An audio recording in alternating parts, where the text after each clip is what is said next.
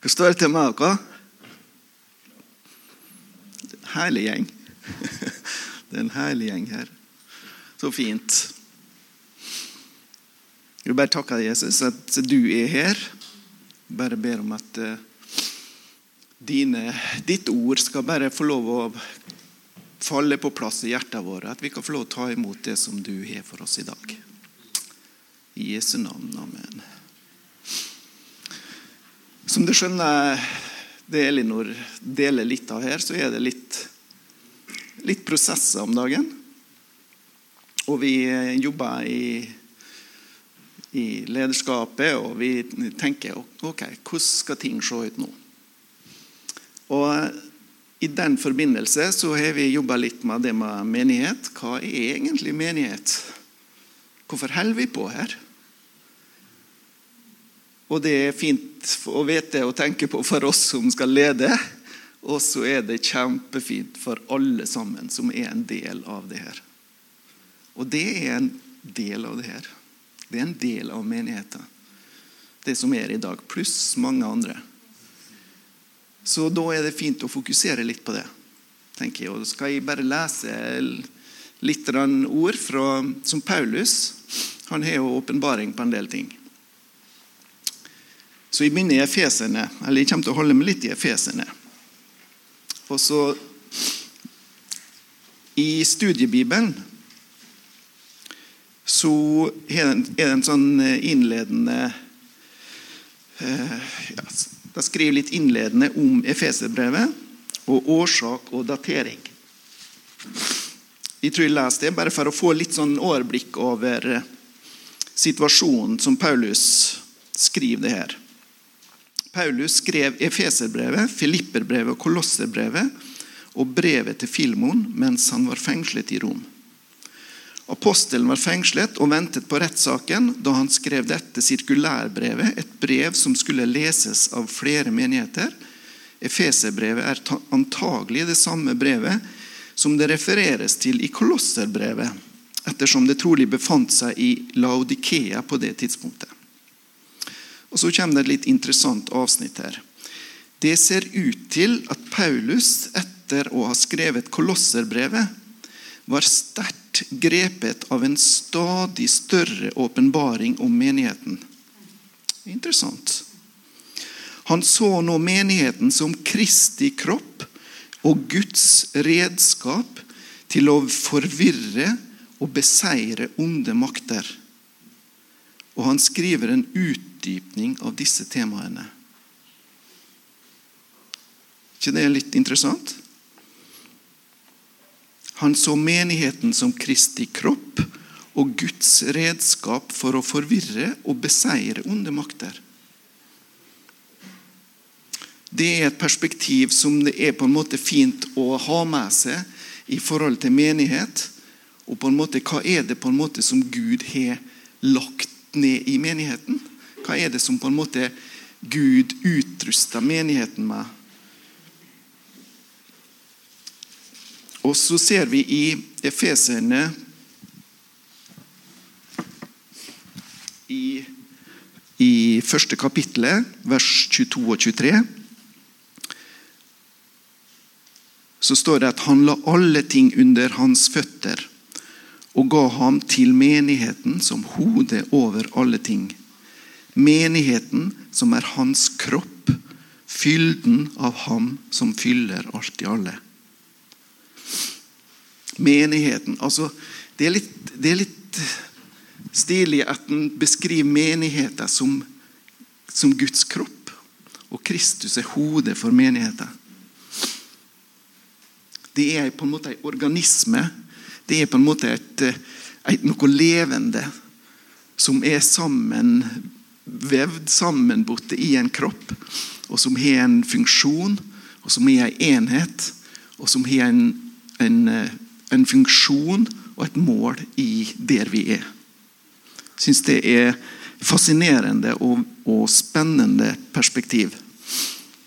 Og så hopper vi litt videre til kapittel 4, og fra vers 7 så står det om overskrifta der at Kristus gir tjenere til menigheten.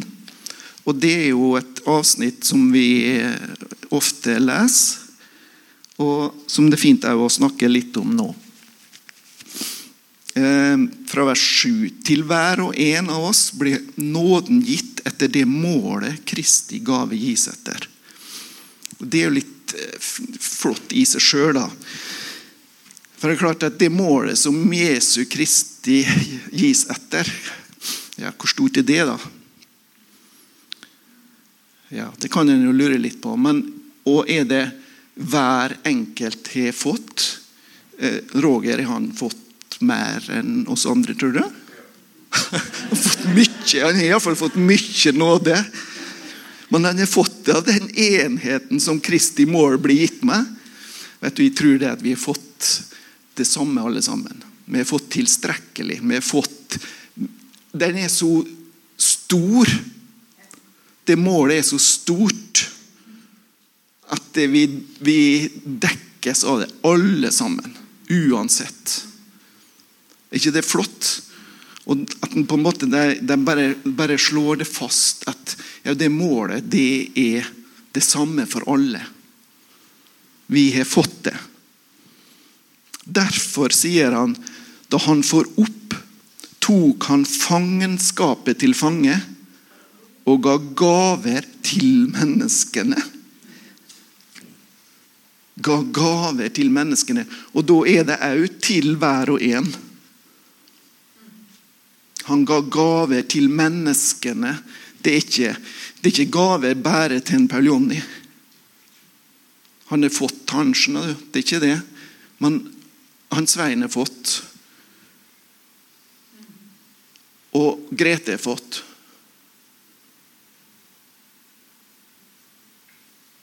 Jan Hva heter du? Et navn, andre navnet ditt? Jan Marius har fått. Vi har fått alle som vil ha, har fått. Alle som vil ta imot, har fått. Det samme målet. Det er opp til oss å ta imot.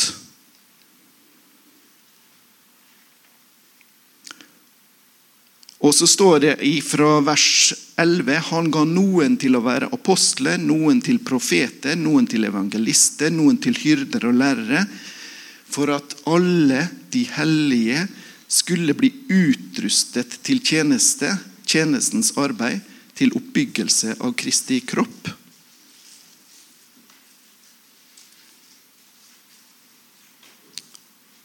Vi har hørt om apostlene og profetene og alt.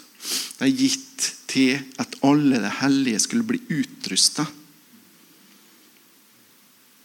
Og ordet 'utrusta' her står det at på klassisk gresk brukes ordet om å sette sammen et bein under en operasjon. Altså utruste, det er den store legen foretar nå alle de nødvendige justeringene, slik at menigheten ikke skal være ute av ledd. I det bildet der, ikke sant? med sett sammen et ledd. Vi blir utrusta til å stå sammen. Vi blir utrusta til å fungere. Du blir utrusta til å gjøre det som du er på din plass. Det er den gaven du har fått. Det som er unikt for din del du blir utrusta til å utføre det.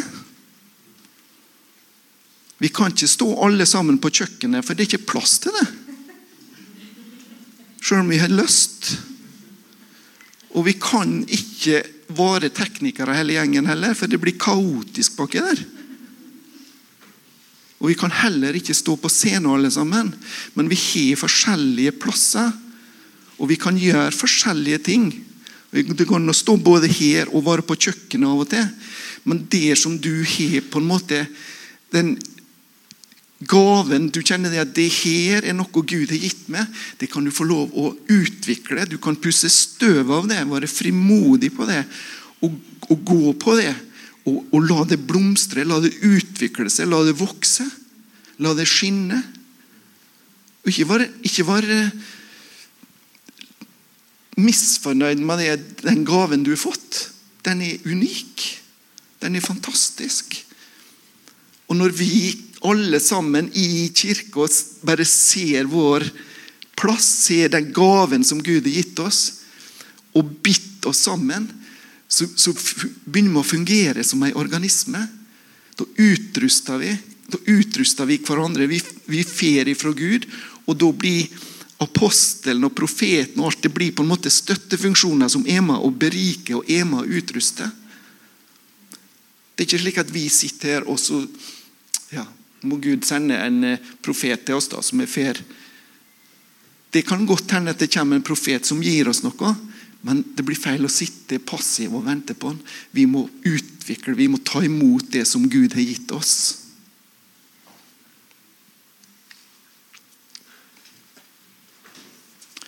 Og så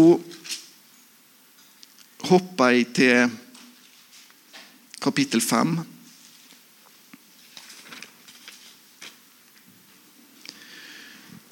Og I kapittel 5 så står det jo mye, mye flott. Og så er det elementer som det står om ting vi skal gjøre og ikke skal gjøre. Og Jeg leser ikke alt, for det, det, tar vekk litt fokusen. Så jeg leser litt utsnitt her nå som sier noe om det som Gud har gjort, og hva Gud vil, og hvem Han er. Og så er det et avsnitt der eh, i kapittel 5 om eh, overskrifta 'Ekteskapet og Kristus og menigheten'. Og Der står det mye, mye flott. Og så står det om ektefelle. Det, det er en fantastisk sammenligning, for det er Paulus snakker om Han, han tar bilde med sammenligning med ekteskapet mellom mann og kone og Gud eller Kristus og menigheten. Og så føler jeg på en måte det at ofte når jeg leser det, så ser øynene mine på ordet om ekteskapet, om mannen, om eh, hva han skal gjøre, og kona hva hun skal gjøre. Og, og, så, og så forstyrrer det bildet litt. Det tar litt fokuset.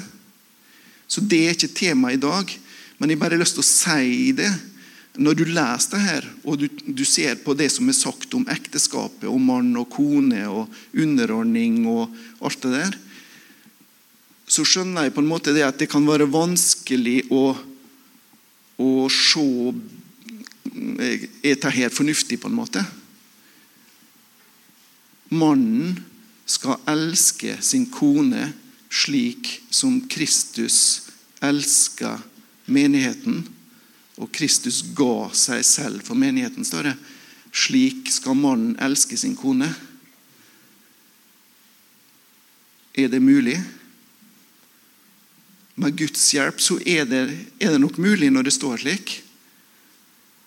Men, men se ekteskapet inn i en sammenheng der du i en symfoni der det er blitt ett. Det er blitt, Mann og kone har blitt ett. Som er underordna hverandre. Som elsker hverandre. Og da tror jeg kanskje Når en ser det bildet, så, så blir ikke ting så vanskelig.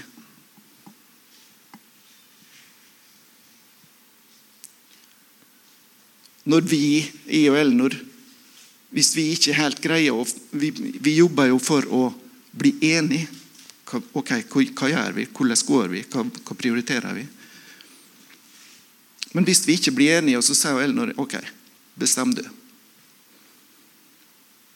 Så kjenner jeg at ok, ja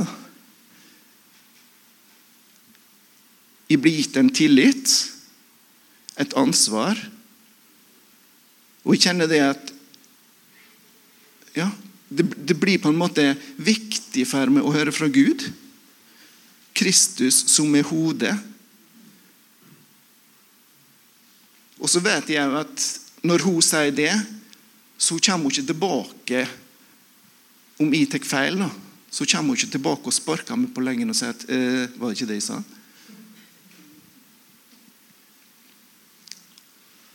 For det er en trygghet der. Og det er en, en, et, et sam, samliv. Det er ei enhet. Og så må det nå være fint for ei kone å bli elska sjøl om hun er litt sur og grinete. Det er jo fantastisk. Så det er mange, mange ting her. Men nå skal jeg ikke si noe mer om det. Det er menigheter og, og menigheter sin Det som blir sagt om menigheter innimellom her, som jeg syns er bare helt fantastisk. Efesene 5. Bli derfor Guds etterfølgere som hans kjære barn. Ta er vers 1. Bli derfor Guds etterfølgere som hans kjære barn. Det, det i seg sjøl er jo kan du grunne lenge på. Vers 2.: Vandre i kjærlighet, slik også Kristus elsket oss og ga seg selv for oss. Wow. Kristus ga seg selv for oss.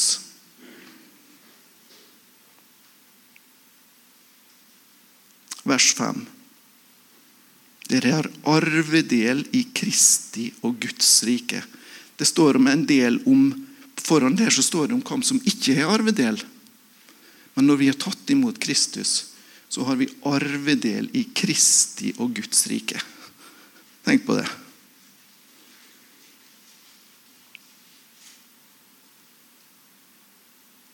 Vers 8. Nå er dere lys i Herren, vandre som lysets barn. Vers 9. For åndens frukt består i all godhet og rettferdighet og sannhet. Vers 10. I det dere prøver hva som er til behag for Herren. Vers 18. Bli fylt av Ånden. Kjempeflott. Tenk at det er mulig. Tenk at det er et konsept som er mulig, folkens. Bli fylt av Ånden. For en ressurs. For en lagspiller vi har med oss hele tida.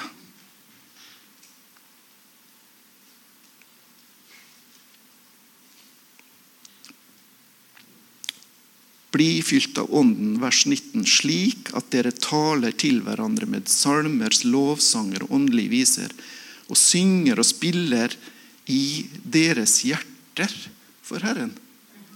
Interessant. Spiller og synger i deres hjerter. For alltid takker Gud, vår Far, for alle ting i vår Herre Jesu Kristi navn. Og underordner dere hverandre i Guds frykt.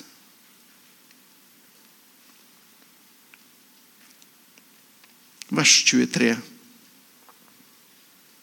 Kristus er menighetens hode. Han er frelser for kroppen. Kroppen det er jo et bilde på menigheten. Kristus er frelser for kroppen.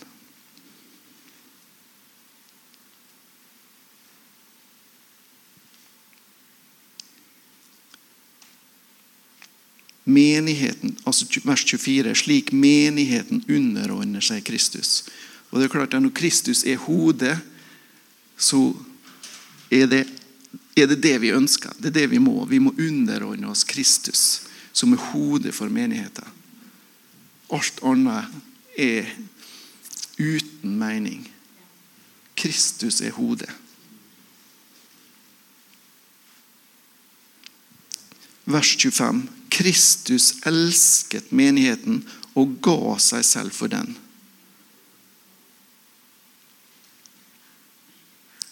For at han vers 26, for at han skulle hellige den idet han renset den, vannbadet i ordet.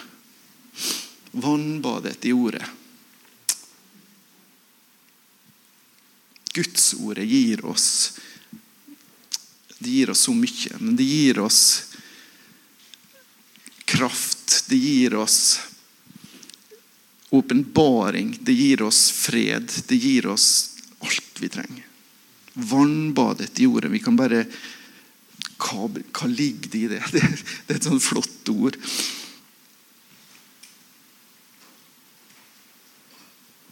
Vers 27.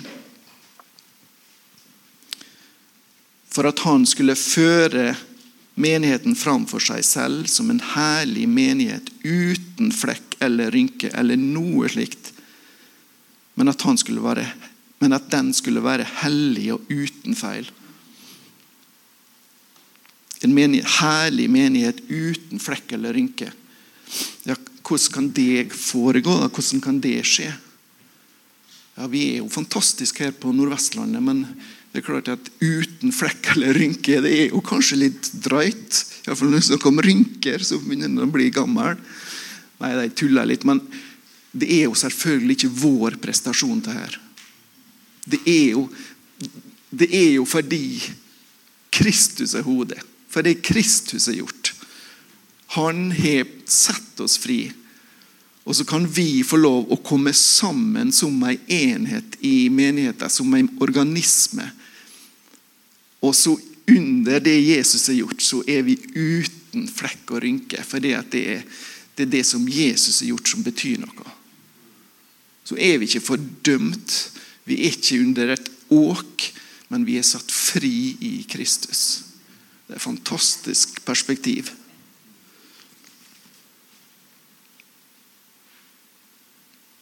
Vers 29. Ingen har noen gang hatet sin egen kropp, men han gir den mat og omsorg. Men han gir mat og omsorg for den, slik Herren gjør med menigheten.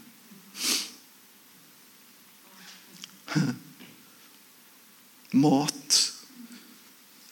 Kroppen vår, fysiske kroppen, så gir vi den mat og omsorg.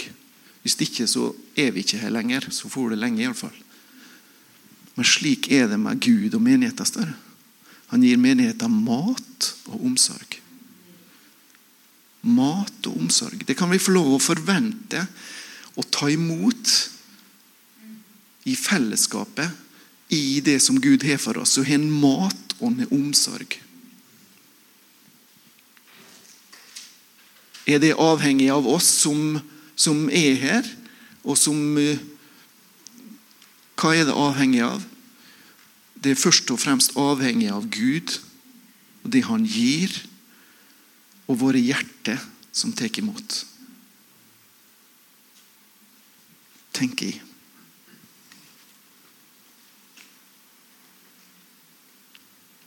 Vers 30. For vi er lemmer på hans legeme, av hans kjøtt og av hans bein. Det blir han konkretiserer det så voldsomt at det Wow! Tenk på det at vi skal få lov å være lemmer på Guds kropp her på den kloden her. Her i Hustadvika kommune. Her på Nordvestlandet. Det er fantastisk. Og så sier han det i siste ja, det er ikke helt siste, men i vers 32 så sier Paulus det at dette er et stort mysterium. Jeg taler her om Kristus og menigheten. Wow, det her er stort. altså jeg synes her er Paulus, Det her er nesten helt ufattelig, folkens. Men det her er, det her er bare helt enormt. Altså det med Kristus og menigheten. For et perspektiv vi kan ha på menigheter. På det å møtes, på det å søke Gud sammen. I det å bli sammenknytta og, og gå sammen. Og kjenne på det at Gud er med oss og i oss og går foran oss og leder oss. Det er fantastisk godt.